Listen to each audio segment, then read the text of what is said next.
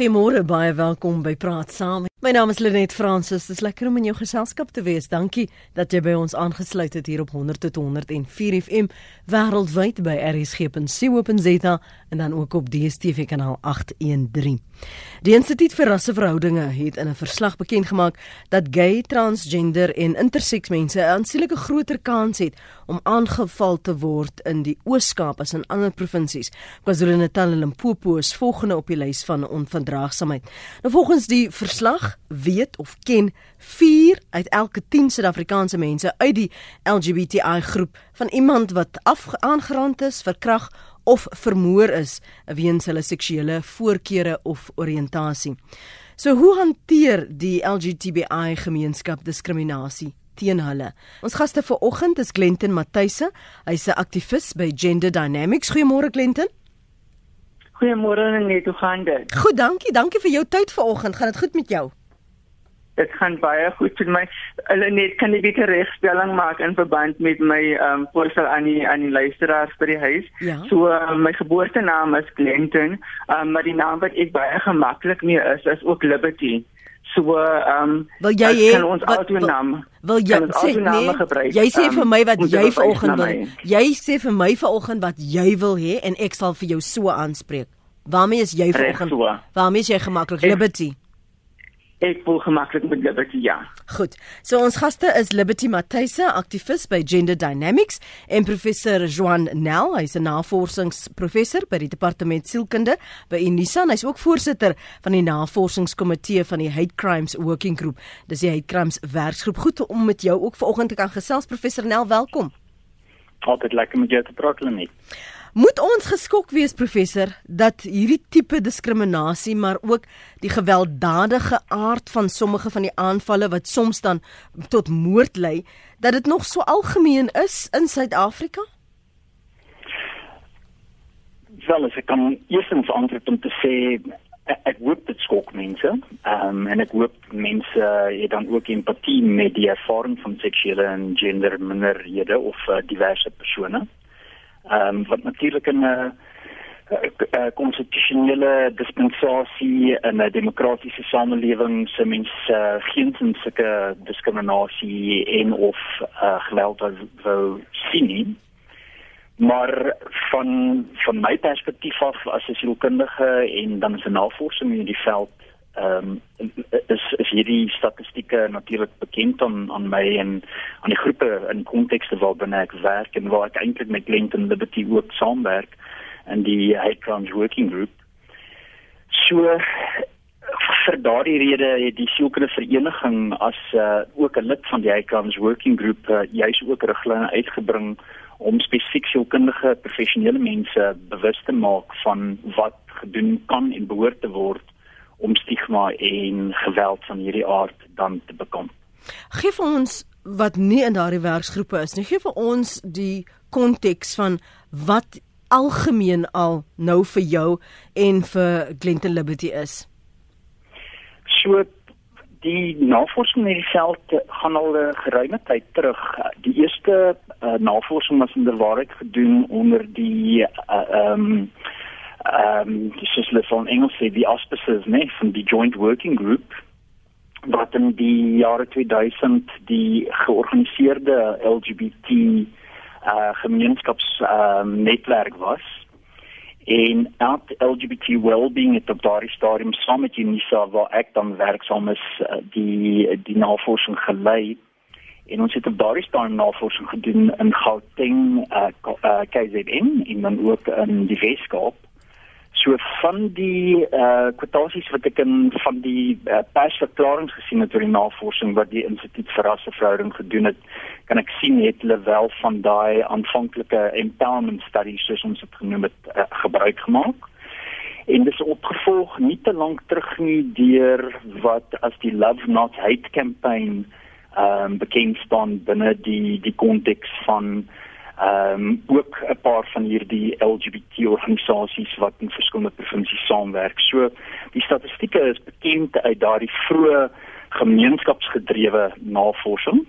Maar dan die statistieke ook ongelukkig bekend uh, aan die hand van navorsing wat die Icons Working Group in die waarheid uh, baie onlangs klaar gemaak het. Ehm um, en waar ons uh, maar weet die die die kwesbaarheid vir ehm um, doelbewuste onregverdige diskriminasie die kwesbaarheid vir haatspraak en dan die kwesbaarheid vir haatmisdaad van LGBTI ehm um, mense of dan soos ons in die sielkunde vereniging verwys na seksuele en gender diverse persone.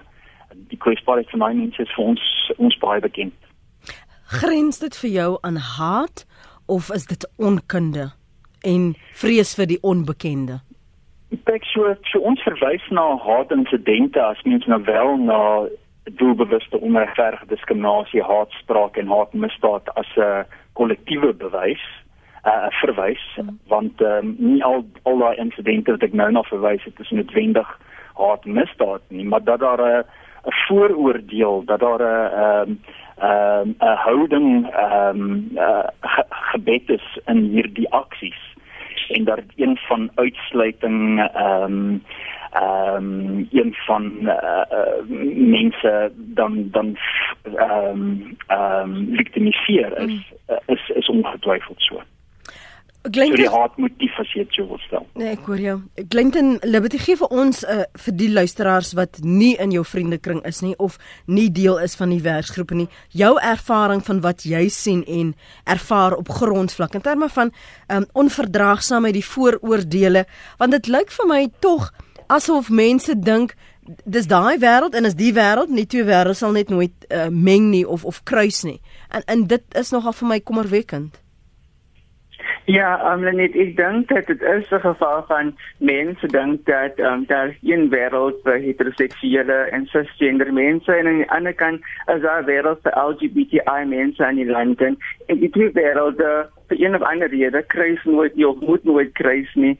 As ek terugdink na een van die van die verslae wat um wat uh, deur die um Other Foundation gepubliseer was, um Progressive Truth waar hulle vra reg was oor um, hoeveel voel Suid-Afrikaners oor LGBTI mense en daar was seker dis statistiek was 56% van die mense het gevoel ja, um, hulle kan met dit saamlewe, maar daar is ook 'n morele morele polisieering van wat reg en wat verkeerd is. So byvoorbeeld um same sex marriage um was weer gesê hier dieselfde publiek wat gesê het hulle kan saamlewe met die met die gemeenskap dat dit verkeerd is. So daar is ook 'n baie um groot um geloofs um bringing aan die aan die aan die issues so wanneer ons begin praat oor um persoonlike ervarings hmm. Dan is daar verskillende maniere waarop transgender en LGBTI mense geweld ondervind in die samelewing aan die een kant kan dit net um diskriminasie wees en aan die ander kant lei dit weer tot moord so um afhangend van waar jy jouself seker bevind in die land gaan jy ook die um, die geweld anders ondervind in die land. So as jy nou jou jouself vandag in 2017 plaas van waar jy was en waar jy eers gewoon het en waar mense jou net as Glenton geken het en nou die oorgang waar jy gemaklik genoeg is om daarop aan te dring dat mense jou Glenton Liberty noem of net Liberty noem. Vertel my van daai oorgang want ons praat hier van ruimtes wat geskep word en dat mense ehm um, dink regtig waar dat as jy in daai ruimte is dan s'ek nog veilig dan hoef jy nou nie oor te kom na my my my ruimte toe nie en my daar te bedreig nie. En ek wil vir oggend daardie grense wil ek deur hierdie gesprek bietjie afbreek. Ek dink in verband met met met die geweld, ehm um, diskriminasie is um speel plek in tyd um onderwys opvoeding um 'n groot deel in hoe mense vrylik kan beweeg in die samelewing as jy LGBTI geïdentifiseer is. As ek net terugdink aan um Kleindorp Darling waar ek groot geword het as as 'n non-binary persoon, maar nooit die moed gehad het om dit te sê nie omdat dit so konservatief was. Um vir my was daai as 'n groot voorbeeld oor hoe 'n plek en 'n tyd regtig wat bydra tot hoe jy jouself sien en hoe jy jouself as kan bevestig in die samelewing um met full agency en autonomy natuurlik en dan beweeg jy na 'n stedelike gebied toe. Jy beweeg na 'n instansie van hoër onderwys. Iewers skielik gaan jou oë oop en jy voel 'n bietjie meer vry um, om jouself te wees. Maar natuurlik in dieselfde asem moet mense ook jou vra hoe um manifest geweld dit self in die ander tipe van spasies wat 'n mens dink 'n mens is vry 'n voorbeeld van dit is dat ook weer eens by die universiteit wat ek gestudeer het, het ek ook gedink um, dat dit veilig is om te kan wees wie ek is, maar daar was seker reprisals wat die wat die algemene publiek van studente um, ook op ons uitgeoefen het en dit was ook weer 'n ander vorm van van geweld wat mm. wat plaasgevind het. So daar is so baie faktore wat bydra en ek dink jy mens kan eintlik 'n holistiese um, oorsig gee oor 'n spesifieke plek, 'n spesifieke tyd um wat regtig meer prone is vir geweld nie. Daar is verskillende faktore wat bydra tot hoe sekere LGBTI liggame geweld ondervind in verskillende kontekste mm. of ons oor 'n konteks sien as baie um privileged kontekste of meer um um disadvantaged kontekste daar is baie baie um, faktore wat bydra. Maar as ons nou al begin praat uh Great Liberty oor oor die ooskap waar jy 'n groter kans staan om aangeval te word en naas dit KwaZulu-Natal en Limpopo. Is is dit jy praat van agency, is dit waar jy jouself al vooraf moet half herinner dat sekere plekke waar ek nie veilig gaan wees nie. Um en al dink ek ook ek is veilig, moet ek die heeltyd op my hoede wees. Ek dink maar dit is 'n realiteit vir baie as dit nie meeste of al LGBTI mense is nie dat dit is maar 'n daaglikse realiteit dat jy altyd op jou hoede is vir hoe jy um gesien gaan word deur die publiek vir um, veral wanneer dit kom by publieke spasies soos toilette vir transgender mense waar um, ons almal weet dat dat spasies as heteroseksueel um in verskoon my Engels nou it's heteronormatively and cisnormatively conceptualized mm. um for, for publieke gebruik En so wanneer 'n mens in 'n in 'n wêreld in beweeg wat sê jy moet um soos wat hulle sê stryd is, jy moet um um of 'n vrou wees wat baie feminine um, um feminine is of aan die ander kant 'n uh, 'n uh, man is wat baie masculine is, dan in die, in die breek daar die barriers wat opgestel was vir jou dan is dit moeilik om jouself um kan ek sê reg te te vestig as 'n individu en jy moet jou op die hoede wees wanneer jy weet wat die konvensies die tipiese konvensies van die van die samelewing is. So as ek dink aan die oorskap al dan is daar ook baie baie faktore wat in ag geneem word hoe mense glo waar hulle glo veral wanneer dit kom by um, menslike seksualiteit um en gender identity kultuur speel 'n rol geloof speel 'n rol en hoe konservatief mense is en dan ook hoe daai konservatiewe perspektief uh, perspektiewe dan uitspeel op die liggame van mense wat anders is soos LGBTI mense mm. wat gestraf word vir um vir wie hulle is as mense Professor uh, Joan Nel, kom ons praat 'n bietjie verder daaroor as 'n vrou is ek gedurig bewus daarvan dat daar sekere tye, sekere plekke wat ek net nie moet na gaan nie. Um jy's bewus daarvan want jy het 'n groter kans om aangeval te word of verkragt te word en dis die realiteit van 'n vrou wees in Suid-Afrika. En natuurlik ook as jy kwesbaar is en kwesbaar voel. Maar hierdie alomteenwoordige vrees wat Glenton Liberty van praat. Brei vir my daarop uit want as jy nie met dit leef nie of jy sien nie hy posisie nie, eh, kan dit baie maklik die waarde van wat hy gesê het verby jou gaan nou. Kom ons begin maar eers om vir mekaar te sê dis natuurlik 'n uh, eh, regtig tragies dat ja. uh, baie mense hulle beweeglikheid moet inperk omdat hulle vrees vir uh, hulle kwesbaarheid in 'n demokrasie en 'n oop samelewing behoort jy eintlik kan gaan waar jy wil gaan wanneer jy wil gaan. Jy behoort kan aantrek en jouself tentoon te kan stel op watter wyse ook al. En op 'n manier met jy kan aanvaar dat ander mense jou menseregte en jou uh, jou jou vryheid van beweging dan sal respekteer. Dit is natuurlik uh, utopia as mense in Suid-Afrika bly maar daar's baie wêrelddele waar waar dit die die norm is. So so kom ons aanvaar nie vir oomblik dat die die realiteit waarmee ons saamleef aanvaarbaar is, want dit is nie. Uh, maar jy staan heeltemal reg as jy sê dat vir party mense is hierdie alomteenwoordige bedreiging werklik 'n 'n probleem. En dis natuurlik 'n probleem wat bydra tot mense se inperking in terme van om ten volle die mens te kan wees uh wie hulle sou kom gewees het en kon geword het, en dan word hulle potensiaal te vir dit uh ten volle uh uit te leef. dit het implikasies vir party mense vir eenvoudig net rondbeweeg uh, binne die die kontekste waar hulle woon en werk.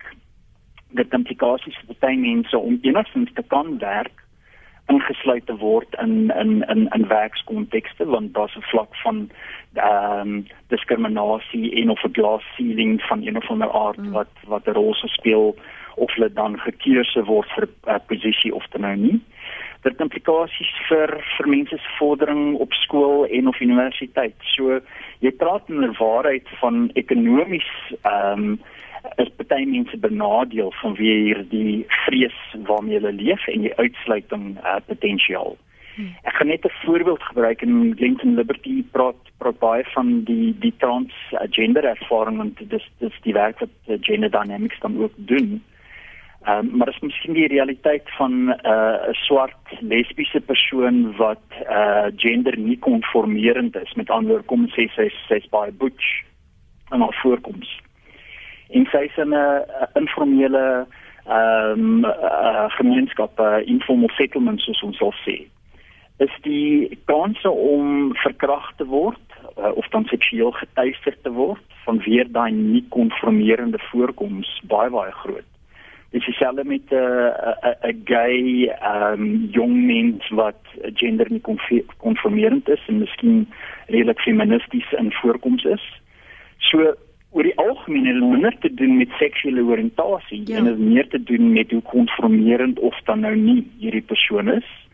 En dan in sekere kontekste wat Clinton Liberty nou baie goed al uitgewys het, ehm um, waar die aanslag op mense wat uitstaan soos 'n seer vinger net soveel groter is en daardie mense wat uitstaan soos seer vingers ook minder keuses het as hulle kan uitoefen. So hulle is eintlik op 'n manier vasgevang in die armoede en of nie op ge, uh, nie geskoolde kontekste waar hulle self nie hulle eie ehm um, potensiaal kan verwesenlik nie. Maar die mense wat rondom hulle woon, is dan ook daar die mense wat soos jy in die begin gesê het, 'n groter onkundigheid toon um, omdat hulle self sosio-ekonomies en of hulle eie opleidings uh, vlakke opvoedingsvlakke ehm um, ehm um, um, minder geleentheid gehad het tot ontwikkeling en dan daar die vooroordeel ehm um, uitoefen teenoor die die mense wat ehm um, hulle voel anders behoort te wees, nie daar behoort nie en 'n les geleer moet word. So ja, die die die die realiteit van victimisasie is 'n groot faktor, sielkundig gesproke. Maar die vrees vir victimisasie, ehm um, het ons al navorsing bevind het uh, ook ongelooflike belangrike of 'n negatiewe rol te speel in mense se geestesgesondheid. Mm. En maar waarheid het ons in studies al eh, bepaal in Suid-Afrikaanse kontekste dat die vir victimisasie wat 'n groot rol speel in mense se geneigtheid tot depressie en ehm um, self selfmoordgeneigtheid dink aan 'n dink aan skoolkonteks, dink aan jong kinders wat nog nie ehm um, soos hulle in Engels sê resilient is nie, nog nie daai ehm um, ehm um, uh selfbekragtig net daai identiteit ontwikkel het nie. So hulle is nog 'n bietjie onseker van hulle self en en wie hulle is en wie hulle wil wees en word en dan leef hulle in daai kontekste waar hulle met daai vrees saamleef en dan dink aan wat wat die implikasie in terme van bullying en dis meer. Hmm. Ek wil dit vereenvoudig en in 'n voorbeeld vir diegene wat dalk nie uh, insig het in oor wat in hoe hoe erg daardie vrees en verdoemend dit kan wees en en en, en vernietigend dit kan wees nie as jy dink as jy op skool is en jy word elke dag van jou lewe geboelie. Elke dag. Maak nie saak waar jy gaan, jy word geboelie, geboelie, geboelie.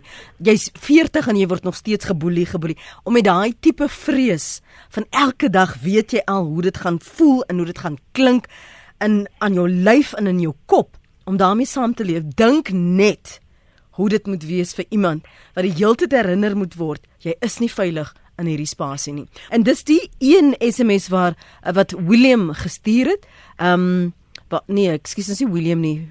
Dis 'n ander luisteraar. Waar is dit nou? O, as jy deur die, dis nie 'n naam by nie. As jy deur die gemeenskap aanvaar wil word, moet jy probeer om by die gemeenskap aan te pas. In 'n konservatiewe gemeenskap leef konservatiewe uh, leefwyse is onmiddellik meer kwesbaar as gevolg van die sirkel waarin julle of hulle beweeg. So kom ons konfronteer hierdie persepsie van wat 'n normale gemeenskap is, professor Nel, um, en hoe jy dan nou jouself en wie jy is moet afsweer, want jy moet tog inpas by hierdie gemeenskap waarin jy jou nou bevind. So as mens nou kyk na hoe die luisteraar ehm um, hulle self dan ook voorstel in terme van ehm um, 'n konservatiewe beskouing of 'n historiese beskouing, ja, dis hoe die meeste van ons groot geword het, né? Nee? Ons het groot geword in terme van 'n uh, staat wat voorskryf uh, dat daar 'n uh, heteronorm is, is die terminologie wat ons so gebruik. Met ander woorde, almal is hetero uh, heteroseksueel, almal is normatief almal moet inpas by hierdie ehm um, ehm um, heteroseksuele huwelik en jy moet twee of drie kindertjies hê en jy moet agter 'n ticket fence bly. Daai gedagte van wat dit se beteken om dan in te pas by die die die die narratief wat vir ons almal daar gestel is in 'n demokrasie en in 'n oop samelewing en in 'n moderne samelewing verstaan ons weet ons dat dit eenvoudig nie die geval is nie en dat uh, die persone wat oor die algemeen daardie lens vir ons voorhou of daardie norm daarstel uh kom van 'n baie spesifieke posisie van van bevoordiging en ek wil miskien teruggaan na net 'n 'n 'n konsep wat jy ook reg in die begin voorgestel het uh, net waar jy gesê het seksuele uh voorkeure. Dis nie eintlik voorkeure waarvan ons hier praat nie, seksuele oriëntasie, dis genderoriëntasie.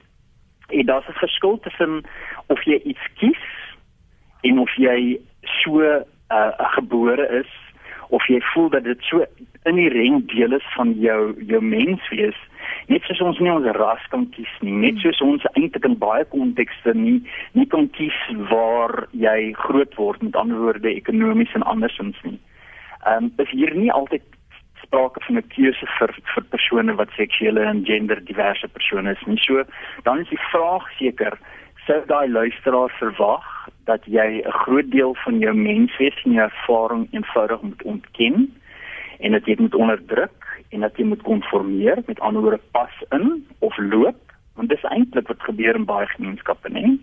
Hier moet jy so wees of anders hoort jy nie hier nie die vraag is wie wie het die reg om daai besluit namens jou te maak? Uh wie van ons ehm um, kan die oordeel verg? En of jy nou Christen is en of jy 'n ander geloofs uh oortuiging kom ons weet dit eintlik gaan dit nie oor oordeel nie dit gaan nie oor veroordeling dit gaan eintlik oor liefde En dit gaan eintlik oor om ander mense die kans te gee om die beste mens te wees wat hulle self kan wees. So as ek uit 'n sielkundige hoogtepunt moet praat, dan is die konteks van aanvaarding en onvoorwaardelike aanvaarding iets wat wat ek dink ons ons moet moet verstaan as as die die konteks waarbinne mense die beste kan wees hulle enigstens kan wees en 'n bydrae kan maak in 'n samelewing. Vanaf uit die die die werk wat julle by Gender Dynamics doen, Clinton Liberty gee vir ons luisteraars insig oor daai selfaanvaarding en waar uh, baie van julle lede al moes gevoel het of dit nou by familie is of by 'n vriendekring waar of by die werk selfs of 'n on, on universiteitsomgewing jouself moes afsweer om aanvaar te word soos soos die luisteraar hierso suggereer. Ek dink ek stem saam met um, met Joan en verband. Dit dit is dit is baie moeilik om om elke dag um jouself in die uh, kan ek sê te negotiate in die samelewing wat sê jy moet uh, op op 'n sekere manier jouself handhaaf en as jy dit doen nie dan pas jy nie in nie mm. en ek dink aan voordat ek die die vraag beantwoord net is dit belangrik vir ons om te praat oor ons grondwet in die land. Ja. Ehm um, die feit dat 1994 het ons ons self gesê as 'n land dat ons wil wegbreek van die um, injustices die ongelykhede van die verlede en die grondwet die 1996 grondwet was 'n goeie manier vir ons om dit te kon doen in dit praat van gelykheid en en en section section 9 van die van die grondwet self en dan met gelykheid gaan ook menswaardigheid. So as ons begin praat van ehm um, die groter gedeelte van die samelewing stem hier saam nie en dat mense wat wat uh, gesien word as minorities of social minorities moet inpas, dan moet ons ook onsself vra hoe um committed is ons aan 'n land wat regtig waar almal se menswaardigheid um bevestig. Um irrespective of that difference. En so vir my dit baie belangrik dat ons begin praat oor wat dit is om in 'n grondwetlike samelewing te lewe waar almal gerespekteer en aanvaar moet word. En as ons begin praat dan oor mense se ehm um, se daaglikse realiteite waar jy instap by 'n uh, werksplek en jy word gesê jy moet jou klere gaan verander as jy um, as jy transgender is. Jy word gesê jy kan nie sekere toilette gebruik as jy as jy transgender is nie. As jy instap by uh basiese onderwysinstansies, um hoër onderwysinstansies en daar is sekere heteronormatiewe um, reëls wat op jou afgeforceer en afgedwing word, dan kry jy self af dat as mense so dink dat dit 'n keuse is en ook om weer in te kom wat wat Jean gesê um, vroeër, as dit 'n keuse was, hoekom sou jy kies om 'n paadjie te mm, loop wat mm. baie uitdagend is op 'n daaglikse basis, wat baie moeilik is vir jou siege om jou saam te lewe wat jou eintlik dwing om selfmoord te wil pleeg, wat jou eintlik dwing om um, substance abuse te doen net om te cope met die met elke dag se se uitdagings. En so wanneer ons werk met ons met ons um constituents um, as gender dynamics dan raak dit baie belangrik vir ons om mense te bou eers want die samelewing het 'n baie goeie werk gedoen eintlik en ek is baie sarkasties wanneer ek dit sê okay, ja. om mense af te breek om ons mense af te breek en dan moet ons eers begin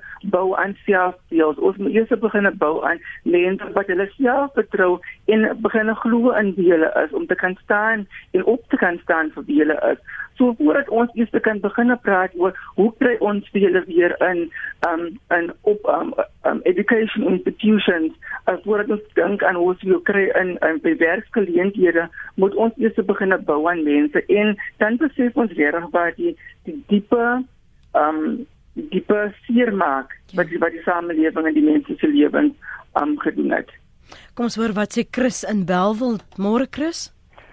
Môre dan net um Ek wil net graag ehm um, so perspektief plaas ook uit die kant van die van 'n ouer af wat ehm um, wat so 'n persoon in die huis het en en en, en jou kind is. Want ek dink dit is ook 'n invalshoek want die dinge wat nou bespreek is daardeur Liberty en die gas ehm um, het ook 'n impak op die op die familie. Ja. En ek ek kan ek daardie perspektief stel vir julle? Asseblief gaan voort. Ja, jy weet ehm um, Ek het nou toe die transformasie nou begin het. Jy weet jy beweeg saam met jou kind want dit is my kind. Ek het my kind nie verwerk nie soos maar baie gevalle gebeur. Maar die, in die begin wanneer die transisie nou plaasvind, dan is dit natuurlik nou meer opsigtelik. En ek het baie keer in winkelsentrums gestap en en en dan het ek die vrees van my kind gesien amper amper kop onder te bo want jy weet daar is die perspektief van buite af, maar ek het probeer om te sê hoor jy lig jou kop en en en jy het niks om voorskaam te wees nie want dit wat jy doen is wat binne in jou is wat ek as as as dan nou jou pa nie altyd verstaan nie. En dan het dit uh, Liberty ook genoem van die situasie rondom uh, toilette. Ek kan natuurlik net sê dat die werksomstandighede is is baie goed en en en dat die opset binne in die kantoor dit baie goed hanteer met die sielkundige en so voort. En en en dit dit het my eintlik 'n uh, hoop gegee, maar wat vir baie belangrik is, ek het hoeveel keer van gewaarsku ook of van haar dan nou uh, spesifiek as sy uitgaan dat dat sy basies 'n teken kan wees. Hmm. En ek glo dit plaas ook 'n hmm. druk op hierdie persoon. En en moenie 'n fout maak nie. Jy as ouer hou maar jou hart vas want daar is hierdie persepsie daar buite dat dit vreemd is. Wat ek ook kan verstaan. Maar ehm um, ek dink die mense daar buite wat wat ouers is wat wat ook hierdie hierdie beleef sien dit as dink ruimer dink oper en en ondersteun jou kind en en gaan hierdie proses. Jy weet die die, die verskriklikste was wat ons gesukkel het was om die naamsverandering te kry. Uh om 'n nuwe geboortesertifikaat te kry en al hierdie goed. En elke keer wat jy deur die prosesse gaan ehm um, kan jy sien hoe dit die persoon aftakel. Ja. En en en dit is my hartseer. Dis my verskriklike hartseer want ek het nie daarvoor gevra nie en my en my kind het ook nie daarvoor gevra nie. Dit is 'n voldonge feit. Kan ek gou vir jou vra eh, Chris, dit klink vir my asof jy 'n baie openhartige verhouding het wat daar 'n vrymoedigheid het is vir jou as ouer om te sê wat jou vrese is en jou bekommernisse is en om dit te deel. Hoe het dit verloop toe hy sy geword het en ook um help ons om te verstaan die, die gesprek en in watter ouderdom het hierdie transformasie plaasgevind en en en waar het jy gevoel ek weet nie hoe om jou te ondersteun nie? Jy, jy weet net my situasie is eintlik nog 'n bietjie erger want ehm um, sy was 35 jaar oud of hy was al 35 jaar oud. En en en jy weet dit is dit is iets wat wat 'n ouer nie sien kom nie. Uh, jy weet baie baie kere is daar 'n persepsie dat hierdie ou is 'n kom ons noem dit nou maar 'n snaakse naam hy gaan dit nie noem nie. uh, die persoon het rugby gespeel. Hy was um, hy hy was betrokke as kom ek sê eh, 'n uh, manlike bydraer by geweldige baie goed. Ons ouers, ons familie, moenie 'n fout maak nie. Dit is vir jou skok. En en gelukkig ons familie het baie openhartig groot gemaak. Kyk by ons by die huis word alles bespreek van seks tot predikant en tot godsdienst. En ons het gaan sit by mekaar en ons het mekaar gesê, luister, dit is die situasie. Hoe gaan ons dit hanteer? Want jy weet, ek, ek weet van sy vriende en vriendinne wat eenvoudig deur hulle ouers uit huis gejaag. En en jy weet hulle net ek het 'n kind in die wêreld gebring. Ek en my vrou en dit is my kind. Dit word nie saak hoe die kind nou is nie. Hmm. Al wat ek vir my kind toewens is 'n 'n pragtige toekoms, aanvaarding. Ehm um, en dat hierdie persoon ook voel ek kan my bydrae lewer want die werk wat sy doen is 'n baie belangrike werk waar sy geweldig baie ander mense help. Nou nie in daardie rigting nie. Ja. En ek moet sê dat die werksomstandighede wat sy doen uh, um, is eintlik baie positief. Dit is baie positief ervaar deur die mense in die personeel. Maar 'n maklike pad is dit nie. En baie ouers het doen maak ook die fout deur deur dit weg te swyg. Jy weet jy kan dit nie wegswyg nie. Hier is 'n feit. Jy loop saam met jou kind in 'n plek en en dan het hulle jou geken. Hulle ken jou en hulle ken ook die kind. Ja. En en dan skielik is hierdie verandering. En moenie fout maak en daar word maar baie agter die hand gefluister en die ding en daai ding. So ons het dit nou al weer leef. Ons het dit ons leef daarmee saam en ons verwys hier met daai. Dit is ons kind. En dit is hoe hy nou sy geword het en ons aanvaar dit so. Dankie Chris. Dankie vir jou oproep en dat jy julle ervaring met ons luisteraars gedeel het. Jou ervaring eh, Glenton Liberty met die met transformasie en ook van julle uh constituency soos jy hulle noem.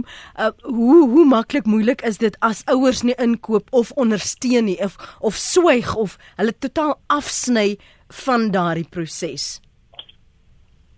Ek dink net ehm um, die groot probleme wat ons ehm um, constituents ehm um, sit is die feit dat hulle uit hulle huise uitgeskop word en oneien word deur hulle families wat eintlik 'n fondasie veronderstel is om te wees in in diegene se lewens om stabiliteit te bring wanneer mense deur moeilike tye gaan om hulle self ehm um, te vestig as individue. En ek dink jy moet terugkom. Ek wil eintlik eers Chris sê dankie vir daai ehm um, motiverende woorde um, wat hy genoem het nou wat ander ouers ook motiveer om hulle om hulle kinders alle transgender kinders um te ondersteun en te aanvaar vir wie uh, vir wie hulle is.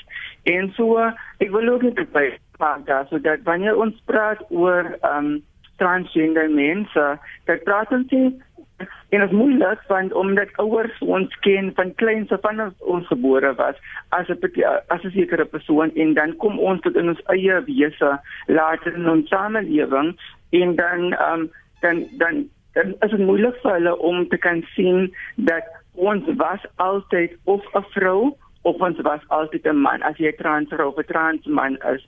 En dit was nooit 'n geval dat jy geïdentifiseer het as um die seks wat aan jou toegeken was by geboorte en so byvoorbeeld as jy um die manlike geslag um toegeken was by geboorte um en jy identifiseer as 'n vrou dit was nooit dat jy 'n man was nie. Dit was altyd jy 'n vrou was en baie sal sê um hulle was in verkeerde liggame gebore en um toe kom van 'n jong ouderdom af. So wanneer ons begin oor huis staan is dit moeilik dan loop dit 'n bietjie van disrespek van die publiek af om te kan sê môre dat jy weet nie wie as jy sê hy sê op die spieël. Want dit eintlik die geval is dat die persoon is 'n vrou, die persoon is 'n man. So ek dink ons moet 'n bietjie um ook net um lees en verband van wat wat wat dit in die lewe van 'n transgender mens en wat 'n impak dit op die psigie wanneer 'n mens um die twee geslagte interchangeably gebruik um in die dis spesifiek ontlok. Ek dink in verband met transformasie ons het baie baie ver gekom as 'n land toe ons in 20 um 2003 die alteration of sex description status act ge um gepromulgated deur parlement wat dan regtig baie die regsmeganisme is vir transgender mense om hulle self om ons self um, te vestig in die reg en kan gaan vir naamsverandering ons kan gaan vir geslag um verandering in in die regtelike sin daarvan ja. as ons al die in die in die um in die wet dan nakom. So ons baie ver gekom in vergelyking met ander lande in die wêreld. So ek dink ons moet ons land ook perfek op die op die skouer kan gee. Maar ons het 'n lang pad om te gaan vir as dit kom by die implementering van hierdie spesifieke wet waar ons weet ons ons constituents gaan na die departement van binnelandse sake toe. Hulle word verskriklik gefrustreer om om die amendments te maak aan hulle aan hulle identiteitsdokumente om te reflekteer wie hulle regtig waar is. So as dit kom van wat formeel in reg staan, het ons baie ver gekom en ons kan nog steeds baie daaraan werk, maar nie selfs as in die implementering van verskillende beamptes in die departement um depart, departements um gebiede is die grootste uitdaging op die ja. oomblik vir ons vir ons constituents. Ek wil gaan na wat ons luisteraars hierso uh, skryf professor Lydia Tron sê wat 'n wonderlike vader is Chris. Dis immers vir geen ouer maklik om te aanvaar dat hulle seun skielik 'n dogter is. Hy en sy familie hanteer dit uitstekend. En na aanleiding van wat ehm um, Glenton Liberty praat oor die aanpassing en ook wat wetgewing sê maar dit het nie altyd nagekom of geïmplementeer word nie. Is daar wel vir jou jou uit hierdie verslag waarna ons verwys het die instituut vir rasseverhouding se verslag is daar uh, enkele ligpunte wat ons vanmôre kan tog beklemtoon en of moontlik kan vier professor? Absoluut. Ek uh, wil na dieselfde vir 'n verslag wys wat uh, Glenton Liberty na verwys het die the other foundations uh, uh, progressive prudes en net die keuse van die naam van die verslag stel reeds vir progressive ja prudes, nee? ja Ehm um, uh, ons daar is beslis houdingsveranderinge uh, aan aan die gang in Suid-Afrika. Ons ons sien beslis dat as mens vergelyk met houdingsstudies wat 'n paar jaar terug gedoen is en wat nou gedoen word, die skuwe wat plaasvind in ons samelewing. Ek wil ook vir Chris gelukwens uh, en sy gesin in hierdie uh, proses wat hulle dan saamloop en die klem op saamloop is so belangrik een mens te keuse om liefde en saamloop te kies of jy kan kies om te verwerp en uit te stoot en skare uh, vir jou jou eie kind of jou eie familielid of jou eie buur uh bure aan te bring deur deur bevooroordeel te wees.